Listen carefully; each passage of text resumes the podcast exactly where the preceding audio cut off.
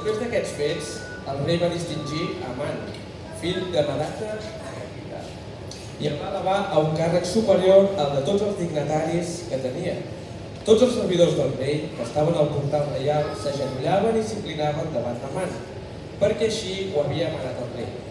Però Mardoqueu no s'agenollava ni s'inclinava. Llavors, els servidors del rei que estaven al portal reial van dir a Mardoqueu per què desobeixes el manament del rei? Veient que ell no feia cas, tot i que li ho repetien cada dia, van anar a comunicar-ho a Amant, per veure si Mardoqueu mantindria la seva actitud perquè ja els havia dit que era jueu. I quan Amant va comprovar que Mardoqueu no s'agenollava ni s'inclinava davant d'ell, es va enfurismar. Però com que li van dir de quina raça era Mardoqueu, li va semblar que no començar a planejar com exterminar tots els jueus, els compatriotes de Mardoqueu que vivien al regne de Suert. El primer mes, que és el de Nissan, de l'any 12 del regnat de Suert, van tirar el pur, és a dir, la sort, en presència de Man, dia per dia i mes per mes, i va sortir el mes 12, que és el mes d'Ada. Llavors Amant digui al rei de Suert, al rei de Suert, perdó, hi ha un poble separat i escampat per totes les províncies del teu regne, que té unes lleis diferents de les de tots els altres pobles i no compleixen les lleis del rei i al rei no li convé de consentir-los. Si doncs al rei li sembla bé que es faci públic un decret perquè siguin exterminats i jo faré a mans dels administradors un donatiu de 10.000 talents de plata perquè sigui ingressat al tresor reial.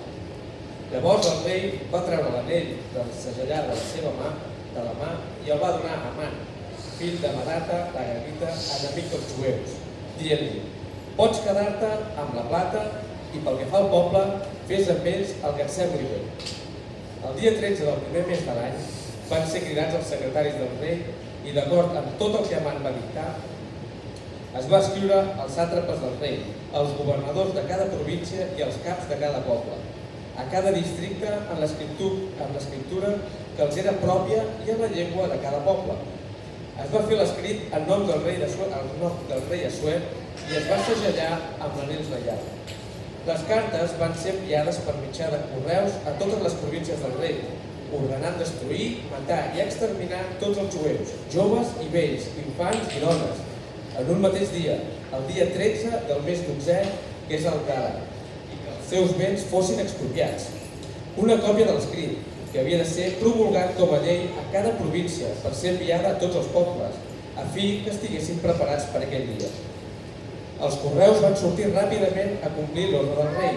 L'edicte també fou publicat a la ciutadella de Susa. I mentre el rei i Amant s'asseien a celebrar-ho, a la ciutat de Susa hi havia confusió. Hola i benvingut al podcast de Ciutat Nova, una església protestant al barri 22 arroba de Barcelona.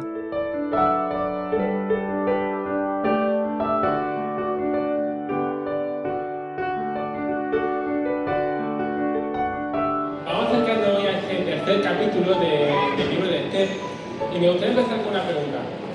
¿A quién de aquí le gustan las películas o las novelas de conspiraciones? Venga, ahora arriba que se nos gustan más, venga. Vemos cómo las conspiraciones eh, nos gustan, ¿verdad? Nos atraen cuando nos acercamos a una película o una novela de, misterio.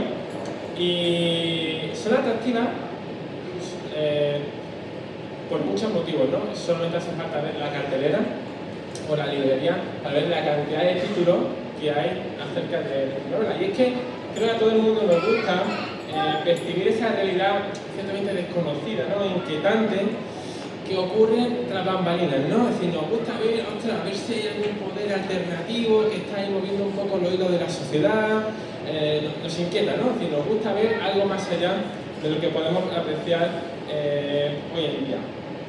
Pero nos gusta ver cómo se cocina el poder, la sombra yo creo que a todos, en cierto sentido, es porque a todos, de una forma u otra, nos gusta algo del poder, ¿no? Nos gusta controlar algunas situaciones o nos gustaría poder controlar más de lo que solemos controlar. Y además hoy en día, eh, con todo el tema de los auges, eh, la política, eh, el auge del extremismo, ya sea la izquierda o la derecha, es muy interesante cómo las teorías de la conspiración eh, están creciendo de manera exponencial. Es decir, para cualquier cosa que no nos gusta, hay un poder mayor que lo está llevando a cabo. Hay alguien malo, malísimo, o mala, malísima, que está moviendo los hilos para que eso se lleve a cabo. James Tilley, un profesor de la Universidad de Oxford, eh, estudiaba todo el tema de, por qué, ¿no? ¿Por qué surgen todas estas cuestiones de la teoría de las conspiraciones y por qué crecen tanto? Y decía algo muy interesante, dice, hablando de las personas, ¿vale? El ser humano, dice, somos muy buenos para reconocer patrones y uniformidades. Cada uno de nosotros somos maravillosos en eso, ¿vale? Si pasa esto, es por esto, hay un patrón claro, conciso. Pero a veces exageramos esto y creemos que vemos significado y sentido cuando realmente no la hay. Sí, como decimos, le damos siete vueltas al, gato, ¿no? Por otra parte, dice, también asumimos que cuando algo sucede, sucede porque algo o alguien lo hizo. Entonces, entonces si queremos hacer una de la conspiración, esto es como hacer un buen puchero, un buen caldo. Dice, coge un puñado, algunos patrones o algunas eh, uniformidades que estén pasando, coge alguna idea que parezca un poco lógica, le añades un poco de exageración y sobre todo a alguien a quien echarle la culpa. Y voilà, ya tiene la teoría de la conspiración hecha, ¿vale? Elaborada. Seguro que todos hemos, hablado, hemos escuchado hablar alguna vez de los Illuminati o de cómo hay un lobby ecologista actualmente que es quien está generando toda esa crisis climática, que la crisis climática no es real, sino son un grupo de poderosos que están diciendo, me queda hacer rico, vamos a inventarnos otro motivo, incluso la propia difusión del COVID, ¿no? Como pensábamos que fue, o pensamos, y, se sigue hablando ¿no? en algunas corrientes políticas, de una conspiración de la farmacéutica con el fin de, con buena voluntad, menguar la humanidad, ¿no? Las conspiraciones han estado siempre ahí y van a seguir siempre ahí. Y diferencia de las teorías conspiranoicas, en el texto que nos vamos a acercar hoy, vamos a ver una conspiración que es real, una conspiración que es auténtica. Y eh, si a alguno le gusta la novela y no de, conspiración, y aún no leído el libro de Esther, léete el libro de Esther, porque es un libro maravilloso sobre el tema de conspiración, ¿vale? Y de cómo se llevan a cabo. Ya la semana pasada hablábamos de una primera conspiración que fue llevada a cabo por Victán y Teres, ¿vale? Cuando querían eh, quitar al rey Asuero, al rey Jerjes, ¿vale? Y hoy en este capítulo nos vamos a acercar a una nueva conspiración.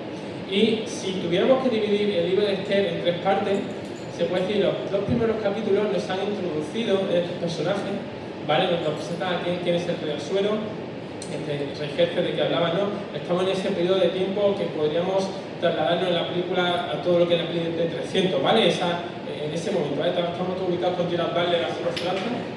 ¿Sí, no? Vale, pues ahí nos podemos situar. Yo estoy, yo soy casi como él, ¿vale? Me falta solo la capa. Um, estamos en ese momento, ¿de acuerdo? Y aquí vamos a ver, a ver cuando eh, nos presentan a una reina que ha sido rechazada, a un ser como Mardoqueo, que está empezando a interactuar con el rey, a una reina como Esther, nuestra eh, protagonista principal. Este, y, empezamos en este tercer capítulo con un segundo bloque que vamos a decir que es el nudo, ¿no? el nudo de esto, que cuando se empieza ya a cocinar algo que aparece un malo malísimo, como es Amán, que va a desarrollar toda esta parte. Y me gustaría que vamos a acercarnos a este texto pensando en dos grandes bloques, ¿de acuerdo? Vamos a acercarnos en primer lugar a ver cómo hay una eh, conspiración diabólica, ¿vale? Por manos de Amán y cómo esta conspiración es eh, por el fruto de la presencia del mal en esta sociedad y cómo ese mal que está en Amán, pues también está en cada uno de nosotros y tiene un impacto en la sociedad. Y luego, vamos a ir, luego nos vamos a acercar a una segunda dimensión en la que, usando la frase del libro de Dallas Willard, vemos como hay una divina conspiración ¿vale? en la que el Señor obra con poder y gloria por encima de cualquier conspiración maquiavélica que cualquier persona eh, quiera llevar a cabo. Vamos a leer, voy a leer rápido los primeros versículos de nuevo. Y dice, después de estas cosas, el rey Asuero engrandeció a Amán, hijo de eh, y, el agageo. Lo honró y puso su silla por encima de la de todos los príncipes que estaban con él. Todos los siervos del rey que estaban a la puerta real se arrodillaban y se inclinaban ante Amán, porque así le había mandado el rey pero Mardoqueo desarrollaba y se humillaba. Entonces los servos del rey que estaban a la puerta real preguntaron a Mardoqueo, ¿por qué desobedece el mandamiento del rey? Así le hablaban cada día, pero él no lo escuchaba. Debido a lo cual lo denunciaron a Amán, para ver si Mardoqueo se mantendría firme en su dicho, pues él ya les había manifestado que era judío. Cuando Amán vio que Mardoqueo ni se arrodillaba ni se humillaba delante de él, se llenó de ira pero no contentándose con castigar solamente a Mardoqueo. Y como ya habían informado cuál era el pueblo de Mardoqueo, procuró Amán destruir a todos los judíos que había en el reino de Asuero, el pueblo de Mardoqueo. Así que aquí nos vamos a acercar a cómo se está fraguando esa conspiración diabólica ¿no? de Amán en contra de Mardoqueo, y no solo Mardoqueo, sino de un pueblo, el pueblo judío. Y es interesante el primer versículo para entender un poco, pensar, más chiquillo, ¿por qué tanta inquina, no? ¿Qué te, qué te, ha pasado? Pobrecito Mardoqueo, pobrecito el pueblo judío. Pues necesitamos entender el contexto de qué motivación ya había en Amán. Y esa primera motivación, o, esa, o ese primer elemento, lo podemos encontrar en Éxodo, en el capítulo, capítulo 17, y, estamos en esa escena en la que cuando el pueblo judío ya ha salido de Egipto, están con Moisés, están empezando a conquistar territorio, Dios le manda a... Eh, José que envíe un ejército liderado por Josué eh, contra los amalecitas, contra Amalek. ¿De acuerdo? Es la famosa escena en la que está con los brazos abiertos, levantados perdón, con la vara y le ayudan a Aarón y Ur, eh, el ejército judío avanza y si bajaba la vara, los amalecitas pues avanzaban. ¿no? Y finalmente este pueblo judío venció. Y Éxodo 17-16 dice así, dice, por cuanto la mano de Amalek se levantó contra el trono de Jehová, Jehová tendrá guerra con Amalek de generación en generación. De nuevo, si vamos unos libros más adelante y nos vamos al, libro de 1 Samuel, el capítulo 15, vemos la escena en la que Saúl, ese primer rey eh, que Israel proclama por sí mismo, eh, es enviado para pelear contra la, la decir, este mismo pueblo con el que peleó Josué y José, vuelve a pelear contra el pueblo de Israel, ahora liderado por Saúl. Y en este caso, en este momento, Dios le pidió a Saúl que exterminara a toda esta población. Ya no solamente la población, sino incluso su ganado, todo. No, no, querían que hubiera nada. ¿no? Sin embargo, Saúl, dentro de su capacidad de, pensar que era más sabio que Dios, decidió mantener a Agag, que era el rey en ese momento de, la amanecita, y todo el ganado. Y esto hizo que la ira de Dios recayera sobre Saúl y todo ese sentimiento de ira, de enojo que iban a tener el pueblo judío contra la amanecita continuara creciendo. Así que este Amán que vemos aquí en esta historia es descendiente de este acá, con el que, al que Saúl perdonó la vida pero que luego el profeta Samuel tuvo que matar ¿no? en desobediencia eh, a Dios por parte de, Samuel. Así que aquí vemos la lucha entre dos pueblos, un pueblo que fue vencedor y otro pueblo que fue vencido. La lucha de la presencia de Amán, como este Agageo, esta maldecita, y la presencia de Mardoqueo, como este israelita. No sé si conocéis, eh, alguien ha leído algo acerca del inicio del el surgimiento y el crecimiento de, de la ideología nazi. Y Joseph, Joseph Goebbels, que fue el, el, responsable de toda la propaganda nazi, llevó a cabo eh, 11 manifiestos, 11 principios en los que iba a fundamentar y basar toda su estrategia para conseguir que todo el pueblo de Alemania odiara a todo aquello que no eran lo que definían como la raza aria. Enemigos de los que también, obviamente, estaba el pueblo judío, como ya bien sabemos. Y el primer principio que Goebbels decía lo llamaba el principio de simplificación y del enemigo único. Dice, es tan fácil como adoptar una idea única, un único símbolo, e individualizar al adversario en un único enemigo. Es decir, focalizarse hacia una única persona, un único cuerpo, un único grupo hacia el que vas a derramar toda tu vida, todo tu enojo y todos los ataques que quieres llevar a cabo. Y esa fue la, posición que los amalecitas tomaron hacia los judíos, y en este caso que Amán pues tomaría hacia Mardoqueo y por extensión, hacia el pueblo judío. Por tanto, vemos que Amán es avisado aquí por los funcionarios del reino en, este momento, es decir, Amán, este ser mardoqueo que se define, o define judío, no se quiere arrodillar delante de ti. Y ahí Amán aprovecha para descargar toda su ira, no solamente con Mardoqueo, sino con todo el pueblo. No le satisface la muerte de una sola persona, sino la de un pueblo entero. Así que dice, wow, esta, esta es mi oportunidad, ¿y qué momento será el oportuno? Entonces este plan conspiranoico que, estoy, que, voy a preparar, ¿cuál será el momento oportuno para llevarlo a cabo? Dice el versículo 7 que fue eh, echado, ¡pum! Esto es la suerte. Y este pueblo, eh, al igual que otros muchos pueblos, era muy supersticioso. Y la superstición eh, formaba parte de la necesidad que ellos tenían de discernir un poco el futuro y los pasos que tenían que seguir eh, más adelante. Y finalmente, el día, de, el día del exterminio final, porque si fuéramos un poquito más, más adelante, al versículo 13 del capítulo, dice que el mandato era destruir, matar y aniquilar a todos los judíos jóvenes, ancianos, niños, mujeres, de apoderarse. Es decir, el planteamiento, el planteamiento que tenía Amán era tremendamente cruel. Decir, la ira que había contenida en esa persona era muy profunda, ¿no? Y dice aquí que eh, el, día que salió a raíz de, este pur, ¿no? Sería el, el mes décimo, que es el mes, que es el mes de Adán. Y paradójicamente va a ser un año más adelante el momento en el que se va a llevar a cabo este plan final, ¿no? Perdóname que use un poco las expresiones que se usan a veces de, exterminio nazi, pero hay muchas similitudes ¿no? Y aquí eh, estoy seguro que Amán está pensando, voy a estar un año disfrutando de lo lindo en la angustia que le voy a generar a este pueblo.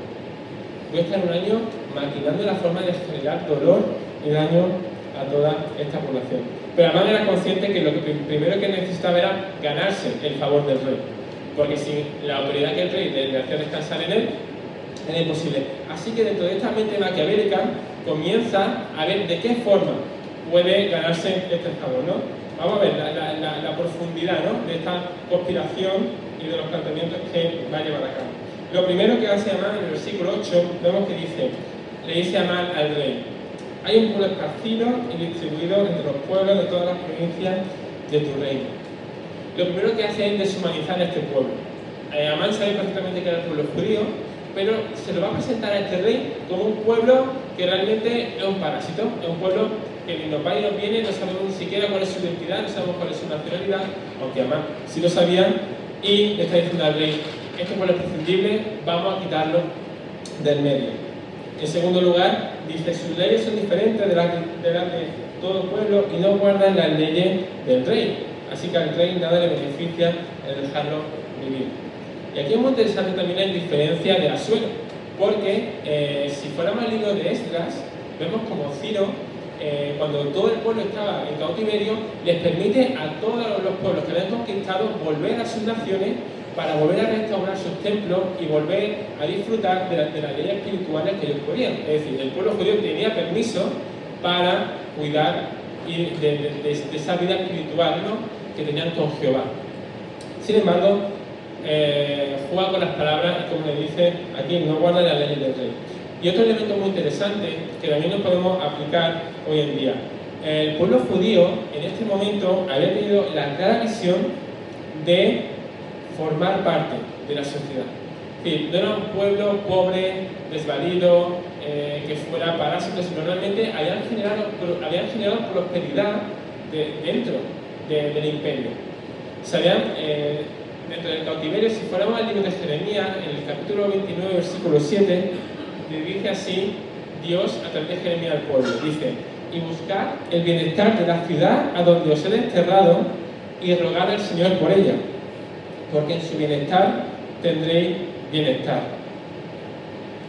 El pueblo judío sabía, eh, tenía claro que si Dios lo había llevado a ese lugar, era el lugar en el que tenían que buscar el bien de esa ciudad. Y por ese motivo pues, se pusieron a trabajar con la gente local, se comenzaron a integrar con los ciudadanos locales, a trabajar con proveedores, eh, como funcionarios, aquí vemos a Marruecos como judío, formando parte del funcionario público Por lo tanto, seguimos viendo cómo Amán sigue maquinando medias verdades para ganárselo y el, favor del rey. Y aquí viene cuando ya como que cautiva completamente al rey, ¿no? Dice el versículo 9, si hace el rey, decrete que sean exterminados y yo entregaré 10.000 talentos de plata a los que manejan la hacienda para que sean ingresados a los tesoros del rey. Así la guía suya dice, eres todo mío.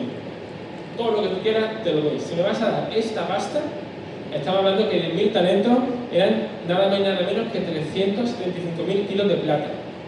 Casi nada.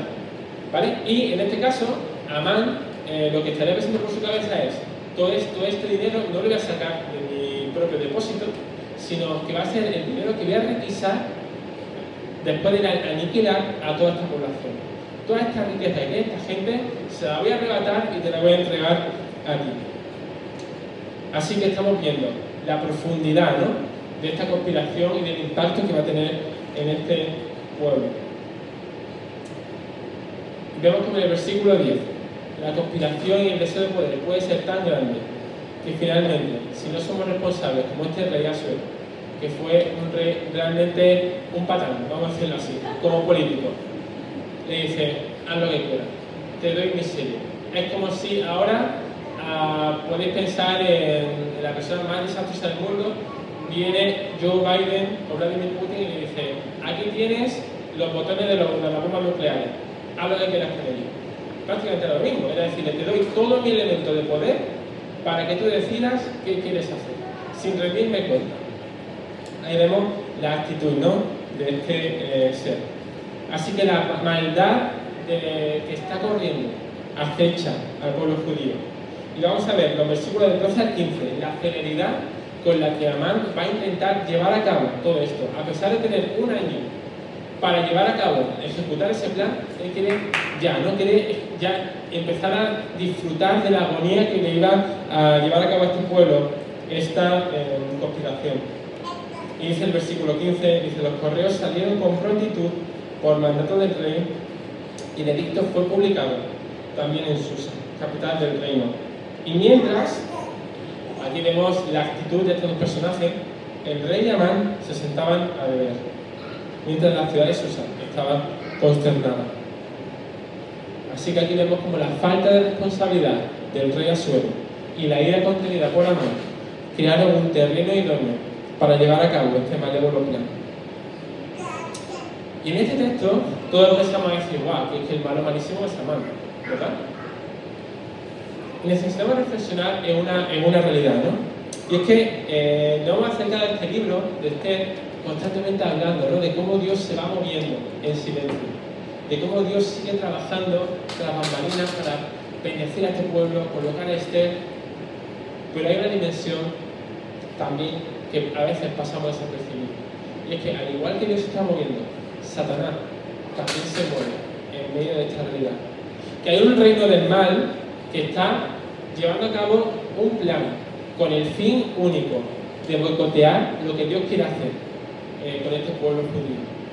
Satanás constantemente va a intentar boicotear el plan de Dios para restaurar todo lo roto.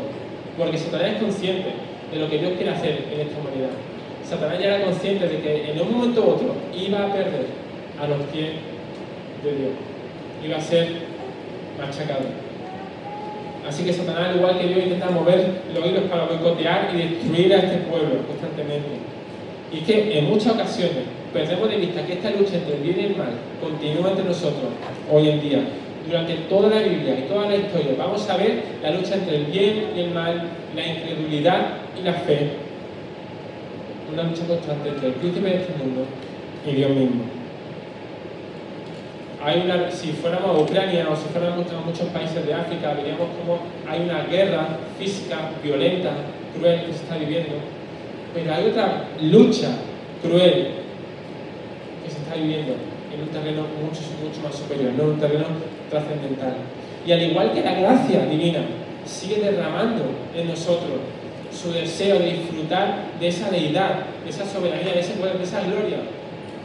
La maldad de Satanás está intentando distraerte, boicotearte, destruir y corromper todo lo que Dios quiere hacer.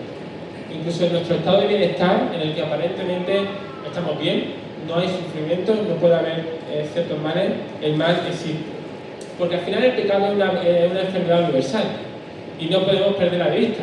No hay tribu, nación ni nadie, excepto Dios mismo, que se, libre, que se libre o que se pueda librar del efecto del pecado.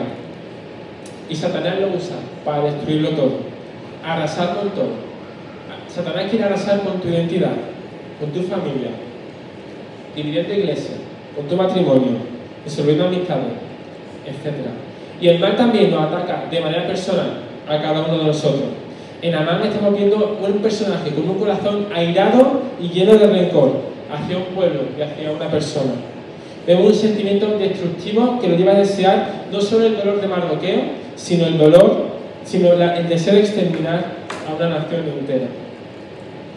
La ira, ese rencor deliberado, el rechazo al perdón, profundiza en Amán y lo hunde en una espiral de oscuridad que Satanás va a aprovechar para conseguir el mal, ¿no? para llevar a cabo una conspiración que por encima de Amán él también quiere llevar a cabo para boicotear el plan de Dios.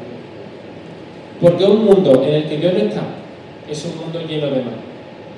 Porque solo la santidad y el amor de Dios puede traer un sentido de bondad, de bondad perfecto y puro. Solo Dios puede traernos un bien inalterado, un bien que permanece y un bien que no se corrompe. Porque Él es bueno, porque la bondad forma parte de su identidad, porque toda, toda bondad proviene de Él. Y Amán y Asuero, vemos aquí cómo están satisfechos por su negocio. Y parece ¿no? que la conspiración de Amán contra el pueblo había salido bien, pero nada más lejos de la realidad. Amán, este artífice, no es consciente de que hay una divina conspiración que está por, por encima de esta conspiración que él desea hacer contra el pueblo judío. Iglesia, esa misma naturaleza de Amán está en cada uno de nosotros. Esa naturaleza caída y rota se puede estar manifestando en diferentes áreas de tu vida. En áreas que puedes, estar identificando más o en áreas que puedes estar identificando menos. Antes Gary hablaba de cuántos dioses, ¿no? esos falsos dioses que llegamos a crear incluso cosas buenas. Cuando le quitamos el lugar que le corresponde, vemos como le cambiamos el lugar que, debe ocupar a Dios, ¿no? Y tenemos que recordar que sin Jesús el mal puede caminar a su ancha. Sin una vida llena del Espíritu Santo, la evidencia de la bondad de Dios brillará por su ausencia. Sin un acercamiento constante por nuestra parte a la palabra, nuestros corazones se confundirán y acabaremos diluyendo la verdad del Evangelio sin una iglesia que lleve esperanza y valores del reino a esta sociedad, Satanás tendrá un terreno vasto en el que seguir campando. Por este motivo, Dios constantemente nos alienta a revisar nuestros corazones. Dice el Salmo 139, versículo 23-24, examíname, oh Dios, y conoce mi corazón. Pruébame y conoce los pensamientos que me inquietan. Señálame cualquier cosa a mí que te ofenda y guíame por el camino de la vida eterna. Me gustaría hacerte una pregunta. ¿Cómo está tu corazón ¿Estás guardando mal hacia alguien? ¿Está la amargura o el rencor echando raíces en tu corazón? ¿Identifica alguna persona en tu vida para que tengas que pedirle perdón? ¿Tienes que pedirte perdón a ti mismo por alguna cosa?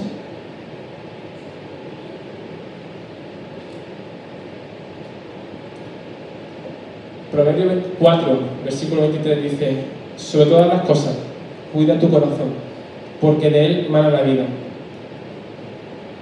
Familia, os pido atención un momento.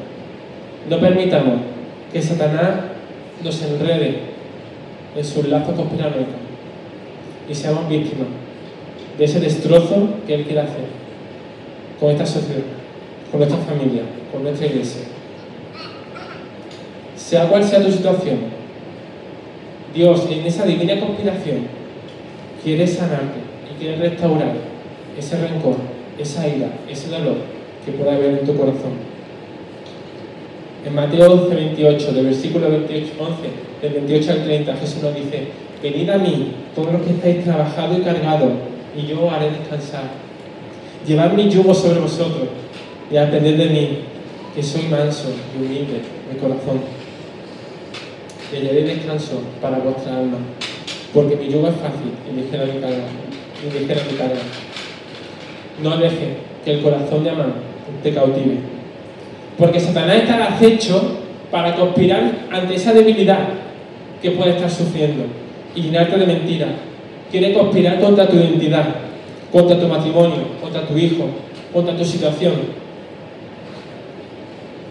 Déjate cautivar por la divina conspiración de Cristo Jesús. Libérate en el nombre de Jesús de la ira, de los malos pensamientos, del dolor.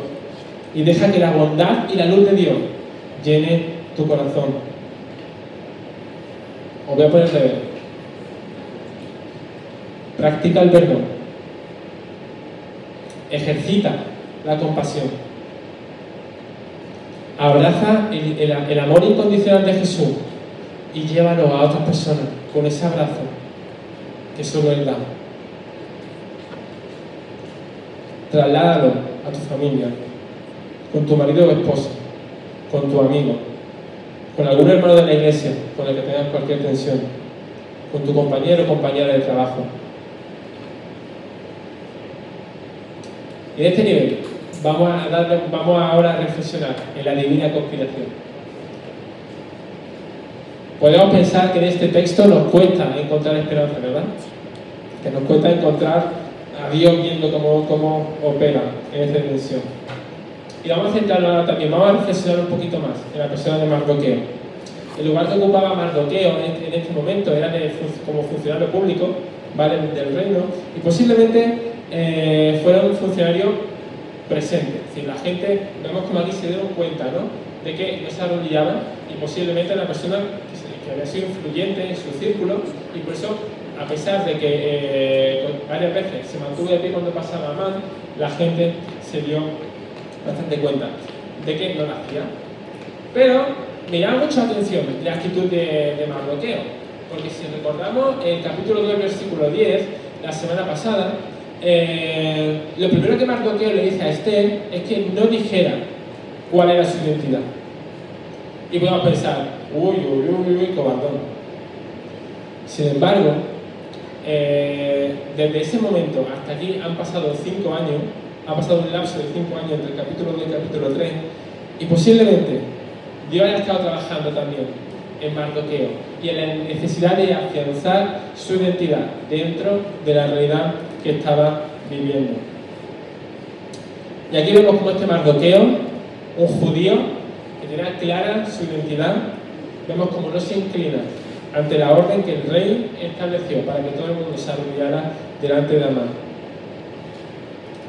Y no es porque una cuestión de que la cultura judía en este caso no tuviera la costumbre de homenajear a las personas. Es en la Biblia vemos varias veces cómo eh, rinden homenaje. Pero muchos comentaristas dicen que Amán no solamente pediría una, eh, una- un acto de sumisión, de, de reverencia, de respeto, sino posiblemente un acto también de adoración. ¿no? Entonces ya fue Amán cuando diría, aquí con la iglesia has topado. ¿no? Decir, por un lado me estás pidiendo que te adore, pero por otro lado no pienso mostrar ningún tipo de pleitesía ante un enemigo de mi pueblo, un enemigo del pueblo judío.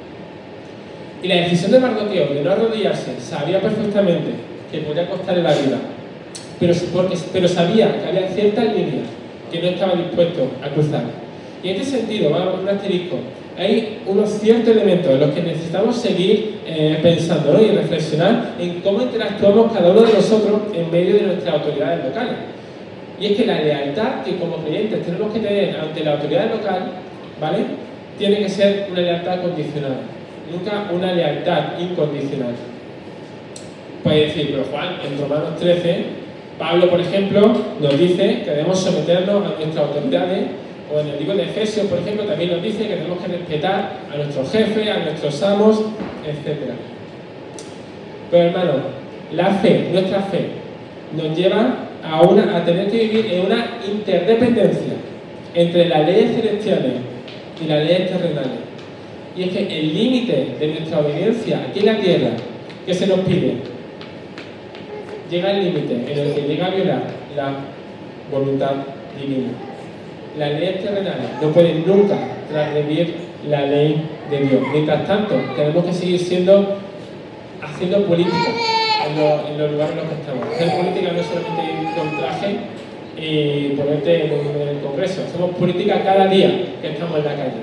Y Dios nos llama a ser embajadores del reino ahí donde estamos. Y eso es a ser personas íntegras, responsables, eh, coherentes con aquello que queremos en el lugar en el que nos encontramos. Personajes como Daniel, como José, nos inspiran y nos ilustran en cómo podemos mantener ese equilibrio, en mantener cómo podemos mantener un, un espacio en un lugar relevante, pero sin venderlo ¿no? y sin mostrar eh, debilidad ante lo que Dios nos pide. Así que Mardoqueo aquí tiene claro que no va a adorar a ninguna persona que no sea a Dios mismo. Y Mardoqueo cede su posición y su vida por ser fiel al mandato de Dios. Y en este caso no tiene ningún eh, reparo en decir soy judío. ¿Tenemos reparo cuando, cuando decimos que somos cristianos? ¿En el trabajo? ¿En el instituto? ¿En la universidad? Os dejo solamente esa pregunta, ¿no? Ahí. Pero no aquí a Mardoqueo, que sabe que esa decisión va a tener repercusión. Obviamente no sabe el nivel ¿no? de repercusión que tendrá, pues si luego leemos el capítulo 4 vamos a ver el dolor profundo que eh, este edicto que Amán va a hacer le, le supone. Pero él sabía que eso iba a tener repercusión. En el versículo 7, ¿vale? Vamos a ver cuando la gracia y la providencia de Dios está obrando de una forma clara. Vemos como Amán está echando pur, ¿no? que es echando la suerte, y vamos a ver, y hablábamos antes de que este pueblo era como supersticioso y estaba viendo momento era el idóneo para llevar a cabo su, plan, y aquí Dios en su providencia no va a permitir que el pueblo judío sufra. A pesar de todo lo que Amán está, está artima- arti- no me Está intentando llevar a cabo en su soberanía, Dios está controlando este proceso de dado aparentemente macabro, pero que acabará como un guion precioso al final de este libro. Y mínimo le va a dar a Mardoqueo y Esther un año entero para cuidar y preservar al pueblo. Así que vemos cómo la sabiduría de Dios se sirve de la necedad del hombre por encima de todo. Y algo que tenemos que recordar, que el poder de Dios estará por encima de los planes malévolos de Amán y de la indiferencia de Asuero. Al Dios que vemos obrar aquí, vemos como obra por encima del mal, porque el mal mismo también está bajo su control. No hay ningún elemento de maldad, no hay ningún, ningún elemento de dolor, no hay ningún elemento de sufrimiento que a Dios se le escape de su control. Que Dios no diga, lo conozco. Que Dios no diga, siento lo mismo que tú. Y vemos a, un Dios que a diferencia de Amán no juega a los dados, ni un Dios que nos deja a nuestra propia suerte. Así que aún en la más dura circunstancia que estés pasando, la palabra nos recuerda que Dios está al control. Y puedes estar seguro, segura, de que Él no te va a abandonar, ni te ha abandonado. Porque Jesús mismo se identifica con esa realidad. El Evangelio nos recuerda que en medio de esa divina conspiración, Jesús es consciente de toda la realidad que tú estás viviendo. En el Evangelio vemos como Jesús sufrió la conspiración de otros para matarlo. En el Evangelio vemos que al igual que Asuero se mantuvo indiferente, Pilato se mantuvo indiferente delante de Jesús mismo. Vemos que al igual que hay un Amán rencoroso lleno de ira, los fariseos, el diablo y Satanás mismo descargaron la ira de él en la cruz. Y mucho más. Jesús tuvo que sufrir la ira de Dios para perdonar nuestros pecados, nuestras cargas. Pero el Evangelio también nos recuerda que hay una promesa de libertad en Cristo Jesús. Que al igual que Esther se puso como reina en este libro para ayudar al pueblo, Dios en esa divina conspiración que le está llevando a cabo, pone a Cristo Jesús resucitado en gloria a la diestra del Padre y nos recuerda que hay esperanza, que hay poder, que ya hay una victoria y que lo que estamos viviendo ahora son batalla, resquicio, pero la guerra está ganada. El mal está vencido. La maldad no puede vencer. Y en medio de todas las circunstancias, situación que, que estés viviendo, Jesús te dice, conozco lo que está pasando. Yo también me identifico con lo que estás sufriendo. Soy consciente del dolor que siento, pero quiero traerte perdón, quiero traerte restauración, quiero traerte consuelo, quiero llenarte de gozo. Y el Evangelio nos sigue recordando que, al igual que en el libro de Esther, Dios en la persona de Jesús va a volver para rescatar a su pueblo. Y habrá un día en el que todo ese llanto, todo ese dolor, toda esa angustia, toda esa ira desaparecerá. Y que la bondad de Dios será derramada en todos aquellos que lo hemos reconocido como nuestro Señor y Salvador. Y estaremos en un entorno en el que la alegría será constante. Y podemos disfrutar de un reinado eterno, de un reino no corruptible, que no juega los dados y que únicamente desea disfrutar con nosotros en un ambiente de adoración y de gloria. Así que en este día, para terminar, vuelve a ser una nueva oportunidad en la que Jesús te dice, yo te quiero quitar toda amargura. Yo te quiero quitar todo sentimiento de ira. Yo te quiero acompañar en el conflicto en el que estés viviendo en tu día a día. No podemos olvidar que vivimos en un mundo que está hecho polvo, un mundo roto. Y no podemos olvidar que seguimos en una batalla en la que el bien y el mal van a seguir enfrentados constantemente. Y en la que Satanás va a seguir al acecho para hacerte daño, para hacernos daño, para boicotearnos como, como iglesia.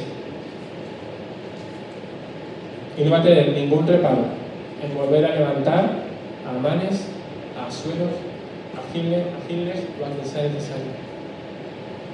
Pero hay esperanza. Cristo permanece. Dios, como decimos, está presente y no está quieto. Él está presente y no está callado en medio de la realidad que esté viviendo. Porque el Evangelio permanece. Y la cruz destruirá todos los intentos del maligno para boicotearnos. Así que te, te animo, me animo a que nos sigamos agarrando a Cristo Jesús. Que nos podamos ceñir a su palabra que nos podamos seguir cuidando lo uno de lo otro y vivamos en la esperanza de que estamos en esa divina conspiración en la que Dios está obrando por encima de la realidad, por dolorosa que sea, que estamos viviendo cada uno de nosotros. Jesús te está diciendo hoy, te quiero acompañar en tu dolor. Quiero sanar y restaurar ese daño, esa ira, ese rencor que tienes.